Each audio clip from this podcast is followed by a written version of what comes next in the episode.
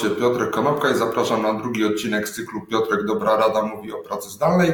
Dzisiaj powiemy o tym, jak planować czas pracy zdalnej swój i swojego zespołu oraz jak planować czas pracy zdalnej swojej rodziny w ujęciu tego, że posiadają niektórzy z nas dzieci. Ja oczywiście nie mówię z własnego doświadczenia, także tutaj jestem teoretykiem, ale y, dostałem kilka głosów, że koncepcja pracy od 9-17, gdy są obecne dzieci, raczej nie działa w ujęciu pracy zdalnej. Do niedawna wychodziliśmy z domu i właśnie szliśmy do pracy, pracując załóżmy od 9 do 17. Dzieci wtedy przebywały w szkole, raczej widzieliśmy się tylko rano i wieczorem, ponieważ dzieci miały swoje zajęcia pozalekcyjne, a e, dorośli mieli swoje zajęcia. Także teraz musimy troszkę zmienić swoje nawyki, ponieważ e, ta praca, gdzie cztery osoby są e, na miejscu, gdzie dwie, e, dwójka dzieci się uczy, a dwie osoby pracują zdalnie, trzeba troszkę inaczej zaplanować swój dzień.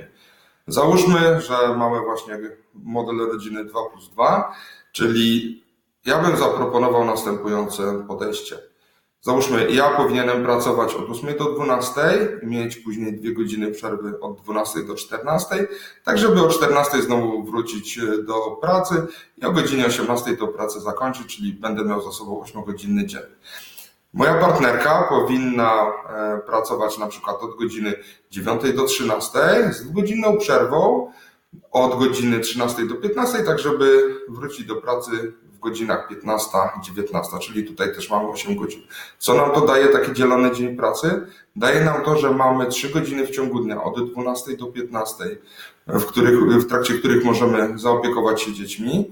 W trakcie tych 3 godzin od godziny 13 do 14 wszyscy razem jesteśmy, także możemy e, zjeść lunch, obiad, ugotować coś, zająć się dziećmi, e, a każde z nas tak czy inaczej poświęci 8 godzin na swoją pracę.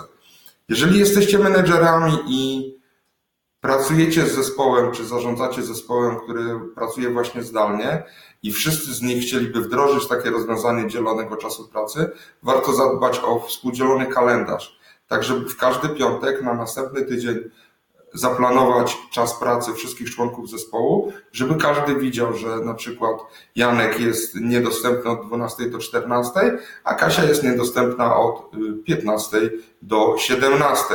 Także taki współdzielony kalendarz w planowaniu pracy zdalnej swojej i swojego zespołu bardzo Wam się przyda. Także dzięki serdeczne, e, życzę wszystkim udanego weekendu i do zobaczenia w poniedziałek.